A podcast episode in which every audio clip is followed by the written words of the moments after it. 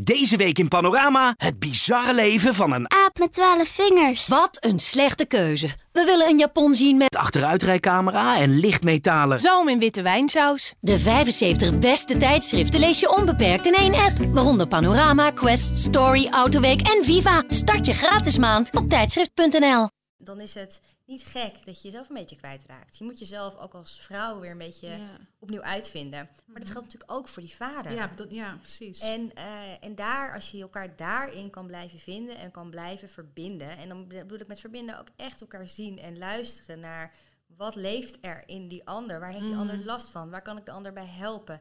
Waar ben ik voor gevallen?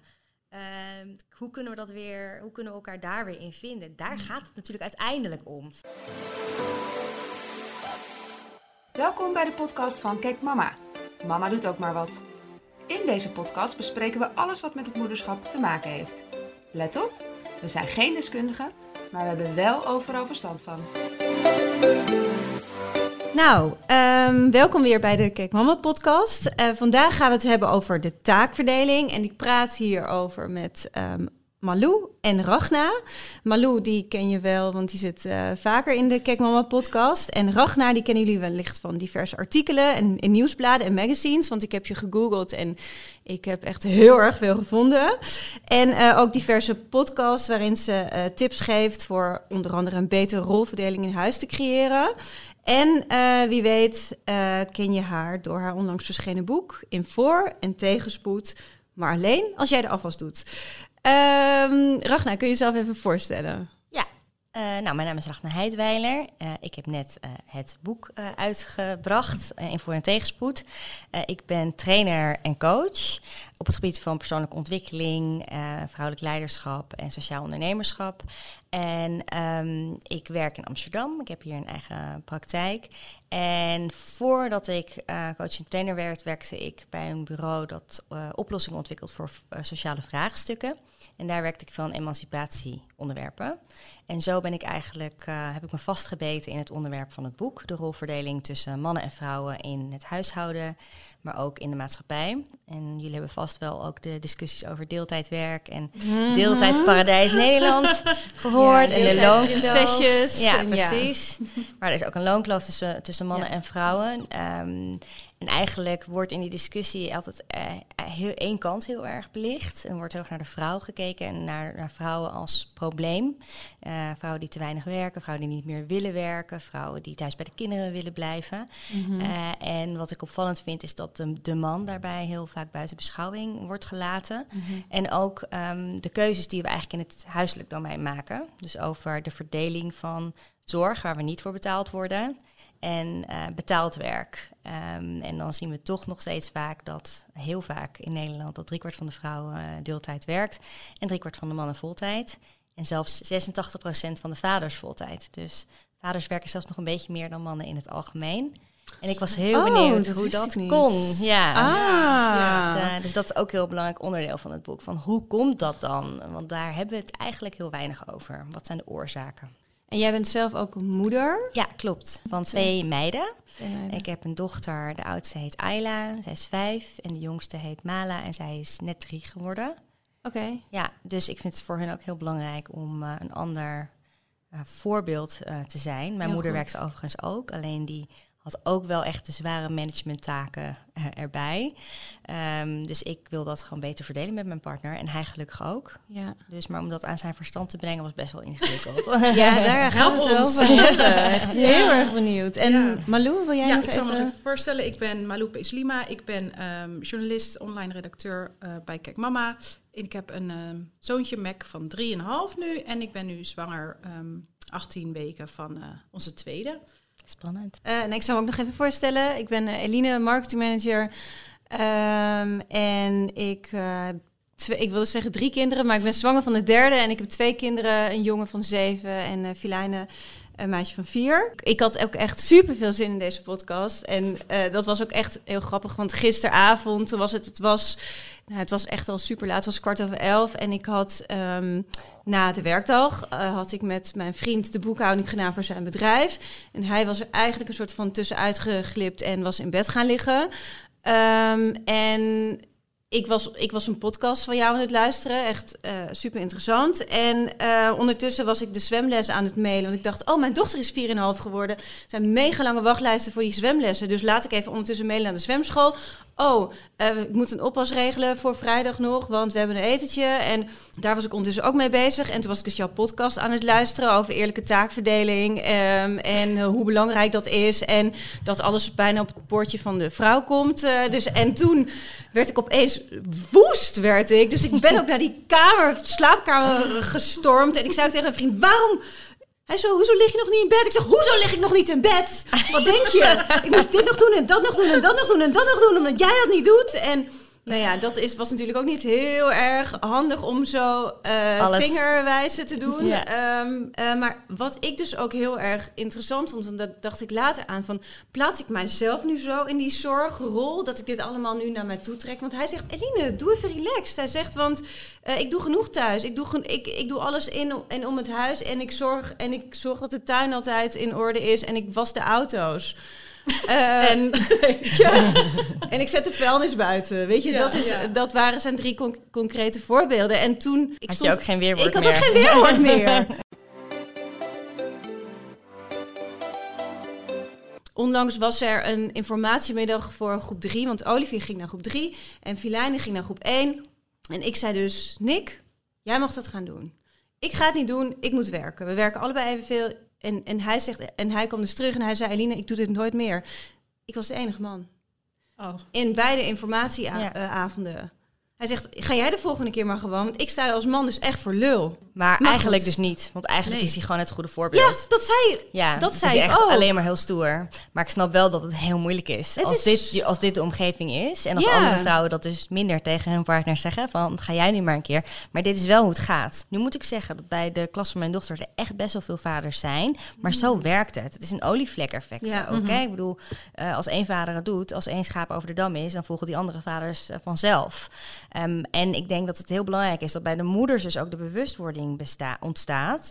Dat zij dat wat meer los gaan laten. En dat eh, moederterritorium in zo'n WhatsApp-groep of eh, de schooluitjes, dat je ook gewoon af en toe zegt: Ik doe het niet, doe jij het maar op jouw manier. Ja, precies. Ja. Wel op jouw manier. Eh, heel veel mensen voelen dit echt als gezeur. En Ja. het hoort ook bij de dagelijkse rompslomp van het leven. Dus dat kan je heel snel van tafel vegen.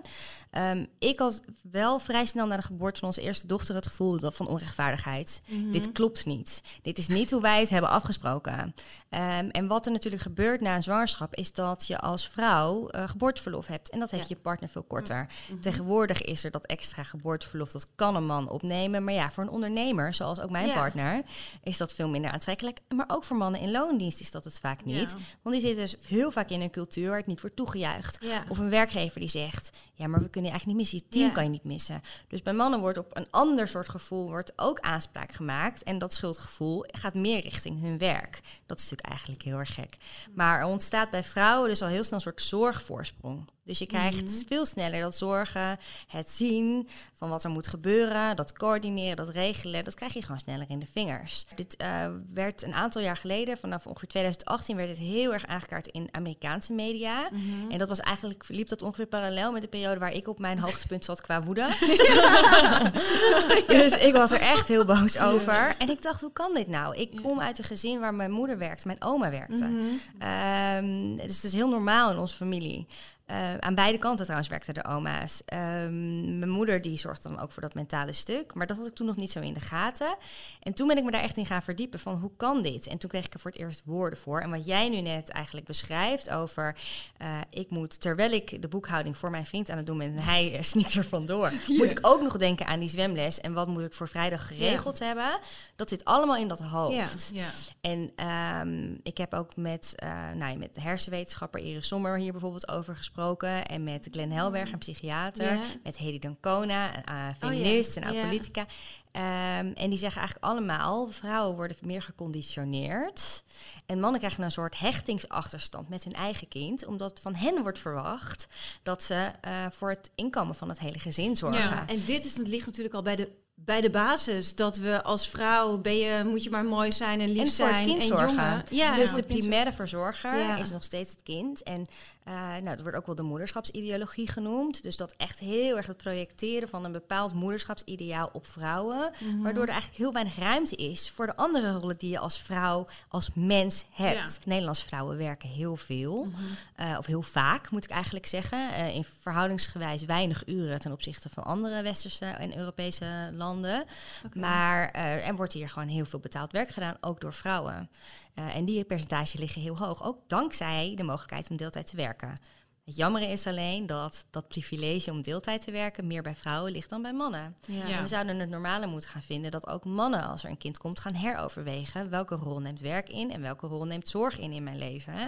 Want het hoort gewoon bij elkaar. En ik moet zeggen, er zijn heel veel mensen die het niet willen. Fine. Ja, klopt. Er zijn ook heel veel mensen die het gewoon prima vinden. Als je- Ja, zoals het precies. is. Ja, ik vind je- het prima om thuis te blijven, Ja. bijvoorbeeld eh, om, eh, om voor de kinderen te zorgen. En ik, ik, zou het, ik, zou het echt, ik zou het heel moeilijk vinden. Ook gewoon qua, omdat ik weet hoe heftig en hoe zwaar het kan zijn. En dat ik echt respect heb voor vrouwen die het doen, fulltime. Maar inderdaad, sommigen die vinden het ook, ook prima. Om dan die zeggen van ja, sorry hoor, maar laat die man maar lekker werken. Denk jij dat dat conditionering is? Dat zorgen. Ja? Ik, ik denk het veel meer dan we denken. Het is veel meer eh, nurture, dus de opvoeding, dan de natuur Mhm. van vrouwen. Jongens eh, hebben een, minder toegang tot een breed spectrum aan emoties. Ja. Dus woede is geaccepteerd. Ja. Maar eh, verdriet en angst wordt bij een jongen sneller afgestraft. Klopt. Meisjes, daar worden andere koosnaampjes voor gebruikt. Ja. Die worden sneller opgetild. In het boek noem ik ook een tip voor een documentaire, No More Boys and Girls. En daarin laat ze het heel mooi zien dat een leidster bijvoorbeeld ook anders omgaat met een meisje eh, dat in eerst in jongenskleding en dan in meisjeskleding wordt aangekleed.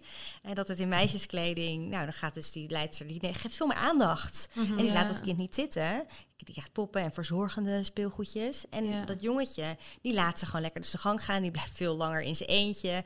Eh, en het is allemaal, ja, die krijgt inderdaad vanaf het begin al die auto's. En, eh, Ja, dus zo dus- worden ze dus- gemaakt. Dus wordt heel snel worden we zo beïnvloed. Ja. En echt al vanaf de geboorte. Dus onder- Ja. dat moeten we niet onderschatten. Ik denk 90% van de ouders dat voor lief nemen, niet er niet eens over nadenken, het niet eens bewust van zijn dat het gebeurt. En pas als je dan inderdaad eh, of jouw boek leest, Of je podcast of je luistert. podcast Ja. luistert, dat je dan denkt, nou inderdaad. En ook bij jezelf, want ik, ik, ik, ik, ik bedoel ook hand in eigen boezem, want dat heb ik ook bijvoorbeeld met een nichtje en een neefje, dat je dan toch, er zijn gewoon hele kleine Subtiele. dingen, subtiele dingen. waar Ja, maar daarom is het zo belangrijk om je daar bewust van te zijn. Dus dat zijn die stereotypen en rolpatronen. Dus rolmodellen ook. Wij zijn de rolmodellen voor onze kinderen.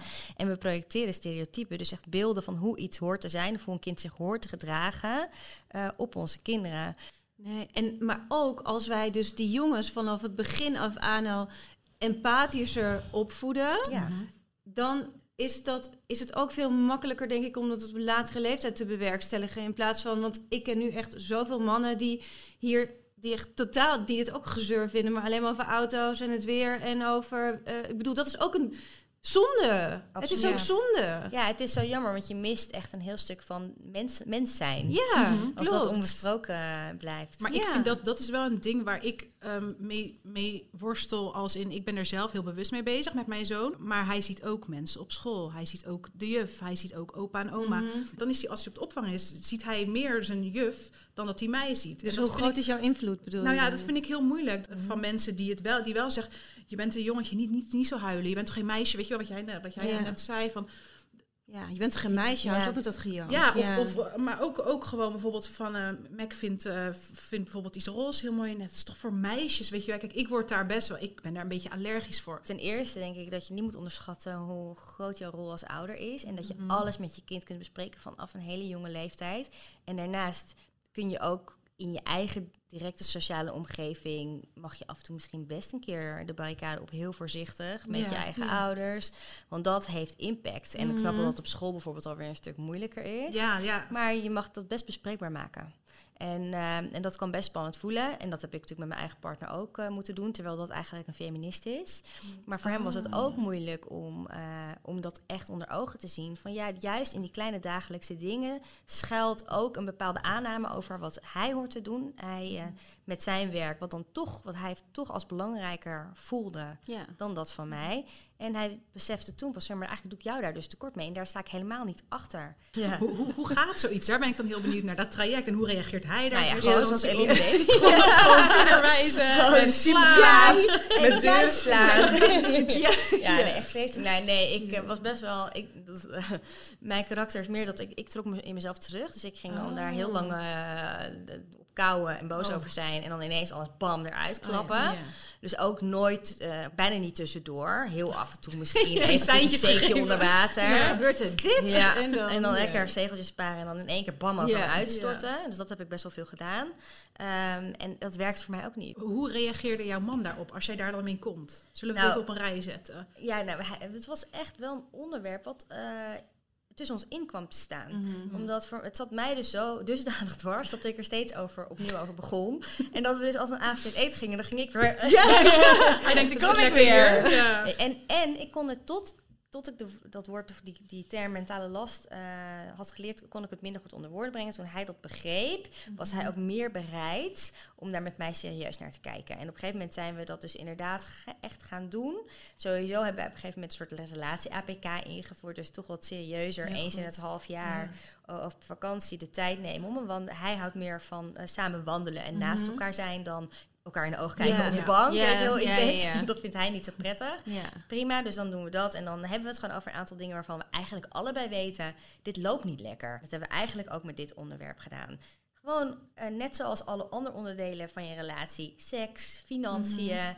ehm, hoe vaak is wie thuis voor, voor, voor welk kind? Ehm, wat, weet je, wat doe je samen om je relatie leuk te houden? Eh, al die onderwerpen, daar hoort dit ook eigenlijk gewoon bij. Want dat onbetaalde werk hangt samen met natuurlijk eh, het betaalde werk, dus hoe je dat samen verdeelt.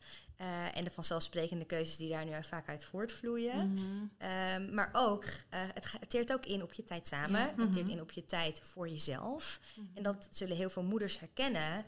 Als je een kindje hebt gekregen, dan ben je het zelf even weer een tijdje kwijt. Letterlijk Ja. bijna. Want je, je voelt, of je nou fles geeft of borstvoeding geeft, je bent aanwezig. En je geeft zoveel van jezelf. En dan is het niet gek dat je jezelf een beetje kwijtraakt. Je moet jezelf ook als vrouw weer een beetje Ja. opnieuw uitvinden. Maar dat geldt natuurlijk ook voor die vader. Ja, dat, ja, precies. En, eh, en daar, als je elkaar daarin kan blijven vinden en kan blijven verbinden. En dan bedoel ik met verbinden ook echt elkaar zien en luisteren naar wat leeft er in die ander? Waar heeft die ander last van? Waar kan ik de ander bij helpen? Waar ben ik voor gevallen? Ehm, hoe kunnen we dat weer, hoe kunnen we elkaar daar weer in vinden? Daar gaat het natuurlijk uiteindelijk om. Is gewoon echt een, dus het is echt dan een soort van open gesprek. Want wat ik doe, en dat is dan mijn valkuil, dat is dus inderdaad. Ehm, Ineens ontploffen. ja, Ja. ontploffen Ja. en alleen maar zeggen wat, wat, wat ik allemaal doe. Nou, ik wil, het, is niet, het is natuurlijk niet fout, maar het, Nou, het, ja, het, maar- het, is in die, het, eh, helpt je niet om jouw doel te bereiken. Ja. En dat Nee. is denk ik gewoon goed om op een gegeven moment te realiseren. Bij welke negatieve emotie dan ook. Hè? Nu Mhm. gaat het hier over, maar het kan ook iets heel anders zijn. Als je frustratie voelt en je communiceert het op een bepaalde manier naar je partner en het komt niet aan. Ja.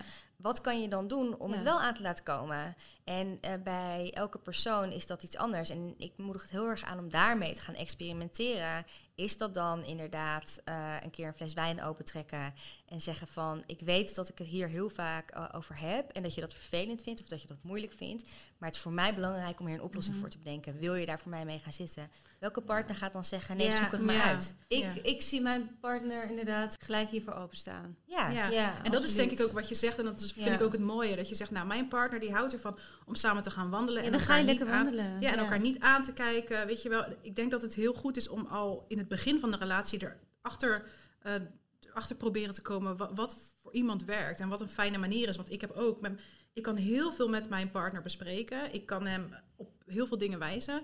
Maar wel op de juiste manier. Ik moet niet eh, om twaalf uur s'nachts, terwijl we net een gezellige film hebben gekeken. Ja, maar schat, ik trouwens eh, nog even hierover over hebben. dit. Nog even dat aftikken. Dan is die Ja. klaar. Maar inderdaad, als je het op zo'n manier brengt waar... Ja, dat moet je ook, daar moet je achter komen. Misschien Ja. hoe je Ja. dat dan... En En, bij jezelf is het denk ik ook heel belangrijk om te bedenken wat zit er bij mij onder. Dus onder Ja. de frustratie, dat is een harde emotie, zou je dat kunnen noemen. Dus woede, frustratie, ehm, daar zit iets onder. En dat zijn de zachte Mhm. emoties. En dat is misschien wel verdriet, Ja. omdat je niet gezien wordt. Ja. Omdat Ja. je de erkenning niet krijgt die je eigenlijk wil. En als je dat tegen je partner kan zeggen... "Maar Ik doe boos, maar eigenlijk voel ik me eenzaam. Want ik voel me niet gezien en niet geholpen. En ik wil zo graag een team zijn met jou Ja. dan heb je zo'n ander gesprek. Klopt. Ja. en dan ga je meer tot elkaar in plaats van... Maar ik snap ook Ja. heel goed dat helemaal met zo'n onderwerp... dat het voor vrouwen. Zo'n enorme drempel is. is nog veel meer een drempel dan, Het is- dan zeggen van... maar- wil je even je vieze sokken opruimen? Weet je het is, ook. Maar Dus met, ik snap zit het zo maar die- met alles. Ik bedoel, als ik al hoor, laatst zei de tante van eh, Nick, die zei, oh nee, die zei tegen mij, nou, dat vind ik zo fijn van Nick, dat hij ook gewoon twee keer per week kookt.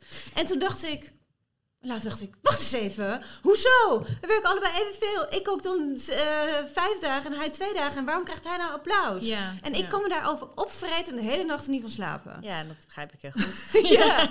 Maar aan de Ja, andere het- kant denk ik Ja. ook... ehm, het is wel al een stap in de goede richting... dat mensen wel gaan zien dat het ook voor mannen... ehm, dat, het, dat het wel goed is dat ze het doen, zeg maar. Ja, maar Snap toch heb ik wel het gevoel dat, Dat ze als applaus ze iets voor doen, krijgen dat voor ze... iets wat Ja, eigenlijk heel normaal is. Ja, Ja. wat normaal Ja. moet zijn. Ja, en dat, is, dat vond ik echt van de meest ehm, ja, de bizarre inzichten eigenlijk ook van eh Hedy Dancona. Die hier Mhm. dus 50 jaar geleden, eind jaren 60, begin jaren 70, eh, al een punt van... Het was een speerpunt van de emancipatiebeweging van de jaren 70... om mannen meer eh, eh, zorg te laten doen. Ja. Ehm, eigenlijk was hun idee van we gaan allemaal ehm, ongeveer vijf uur per dag betaald werk doen. Dus zowel de mannen als de vrouwen. Eh, zodat er ook ruimte overblijft voor de zorgtaken en voor maatschappelijke bijdrage. Dus dat Ja. was dan echt het hele idealistische plaatje. Maar ik vond het vooral bijzonder om te horen dat zij daar al zo lang mee bezig zijn dat het een speerpunt was. Dus even los van abortus. Recht op Mhm. abortus bijvoorbeeld. Dat was een van de dingen waar zij toen voor streden. En dat is gerealiseerd. Maar het stuk van, de, mm, eh, van die zorgzelfstandigheid van mannen. Dus mannen meer, meer zorgen, iets minder werken. Dat is na 50 jaar, ligt dat er eigenlijk gewoon nog steeds. Ja, want dat vind ik dus heel... Als ik kijk naar mijn ouders bijvoorbeeld... Ik denk dat, dat zij... Ik denk dat mijn moeder nooit zo'n gesprek heeft gehad met mijn vader. Nee. Van ik doe nu dit en dit en dit en dit in het huishouden. En eh, het, het was gewoon zo. En dat komt ook misschien door de cultuur waar ik van... eh, Mijn, ik ben half Molux. Dat is, de- daar ligt het toch allemaal wat anders. Dat de vrouw veel meer de zorgtaken opneemt en de man werkt.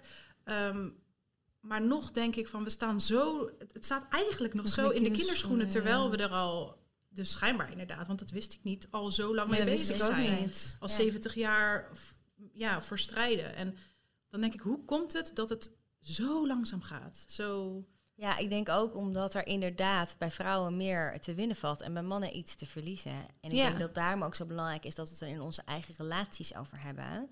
Want die mannen die uiteindelijk bij ons aan de keukentafel zitten, die hebben ook die functies in Mhm. ehm, waarbij zij keuzes maken die op het leven van vrouwen weer impact hebben.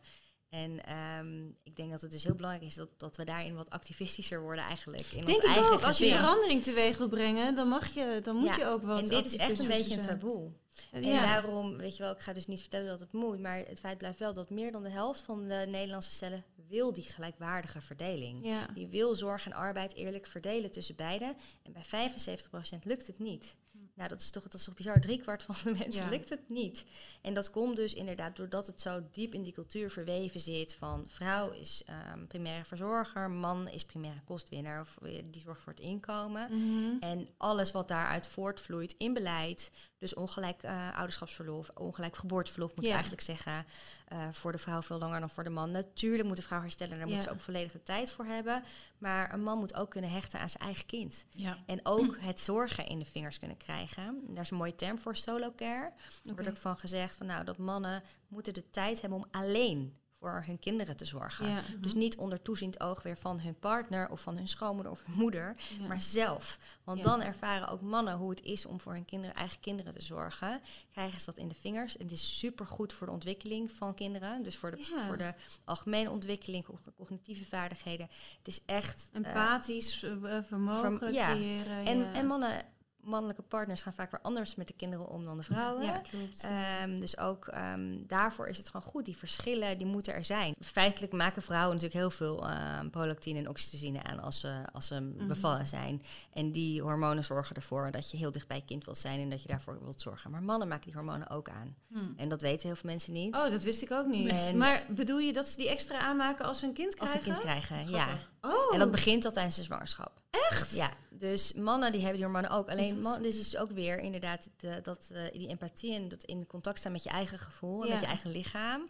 dat is mannen gewoon minder bijgebracht. Dus Ja. die voelen dat ook minder. Maar als mannen erop gaan letten, dan voelen ze dat ook. En dan hebben ze ook de neiging om een nest te bouwen, hun vrouw te beschermen, eh, bij het kind te zijn. Maar dat- ik denk dat als we hier ook iets meer bewust van zijn, dat het dus echt ook wel een deel conditionering is. Het wordt ook van je verwacht. Dat heb je ook geïnternaliseerd. Vond ik een heel mooi voor, eh, voorbeeld van eh, Coco Ceballo Lane, de vrouw van Pepijn Lane van, van Fabriello. Die vertelde dat hij, ehm, zij eh, had moeite met borstvoeding geven.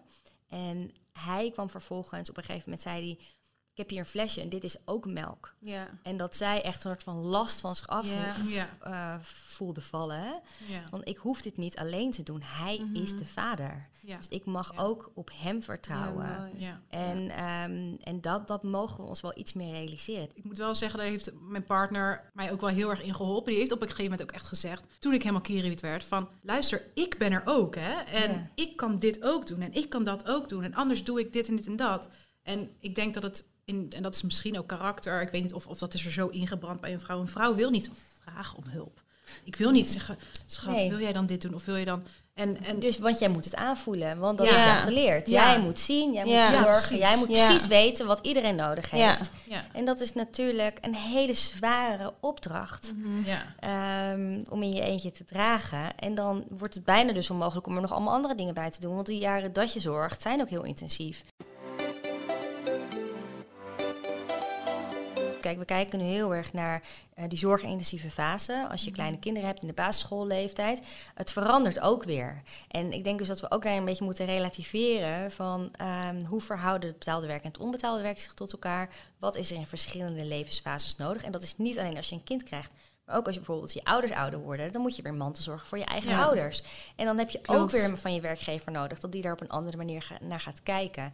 Dus die hele cultuur van werk gaat boven alles. En als je een stapje terugneemt, dan loop je het risico dat je niet de promotie krijgt. Ja. Eh, dat moeten we echt, eh, daar moeten we echt van af. Weet je wel, dat mag veel flexibeler. En onder andere door de lockdowns weten we dat het kan. Dus ik denk dat er gewoon zowel thuis als bij de werkgevers als in het beleid heel veel moet veranderen. Om dus dit eh, vraagstuk waar al zo lang over gepraat wordt, maar waar dus nog maar steeds geen doorbraak in Ja. eh, bereikt wordt, eh, om dat te realiseren. Het is ook een cadeautje voor zichzelf, denk ik. Om gewoon meer tijd met zijn, met zijn pasgeboren kind te kunnen doorbrengen. Ja, en hier en raak nu je ook denk ik ook aan de kern van, van wat een kern van het probleem is dat zorg natuurlijk lang niet altijd leuk is. Nee. En dat ook heel ja. veel, eh, en dat vrouwen, dat voor vrouwen het gelukkig steeds minder taboe wordt om dat gewoon te zeggen. Ja. Eh, maar Ja, ook daar het voor. ook nog gehad, ja. En maar voor vaders, heel eerlijk, heel veel mannen vinden het gewoon niet leuk. Nee. Dus ook daarin, weet je wel, moeten ze dus wat inleveren. Ja. En tegelijkertijd is het wel belangrijk. Dus wat vind je belangrijk? Wat zijn je waarden in je leven, voor jezelf, in je relatie met elkaar? Hoe verhoud je je tot elkaar? En hoe ga je daarnaar handelen? Ik geloof dat ik het allemaal kan, maar ik moet gewoon heel veel frustratie en woede bij mezelf loslaten. Omdat ik Je moet hem vooral voor mij voelen. zijn. Ja. Het is oké, weet je wel. Je mag daar gewoon boos over zijn. Het hoeft niet weg. Nee, Sterker nog, je kan het gebruiken als brandstof voor iets nieuws productiefs. Zoals Ja. een boek schrijven of Ja. een podcast maken. ja. Oh ja, zoals jij hebt gedaan. En ik denk dat het bij veel, eh, ja, dat weet ik niet hoor, maar dat, dat veel mannen heel erg ehm, zichzelf fijn voelen in, op de plek waar ze zitten en denken, Ja. maar dat koken, dat kan ik toch ook helemaal niet, Maar joh. dat Dus- is het. Ja. Dat- Mhm. dit is het. Want het, het vereist een verandering en een verschuiving. En iets wat van het bord van de een naar het bord van de ander gaat. En ik denk ook echt niet dat je die takenlijst er bijvoorbeeld elke week bij hoeft te trekken. Maar gewoon een Oh, nee. keer dit Ja. gesprek eens voeren. Echt serieuzer dan je normaal gesproken doet. En daar de tijd voor maken. eh, en het inzichtelijk maken, dat helpt al. Mhm. Eh, en dan kan je partner toch niet ontkennen dat het gewoon een flink pakket is. En dat het veel prettiger is voor beiden als je het eh, ook echt samen doet. Ja.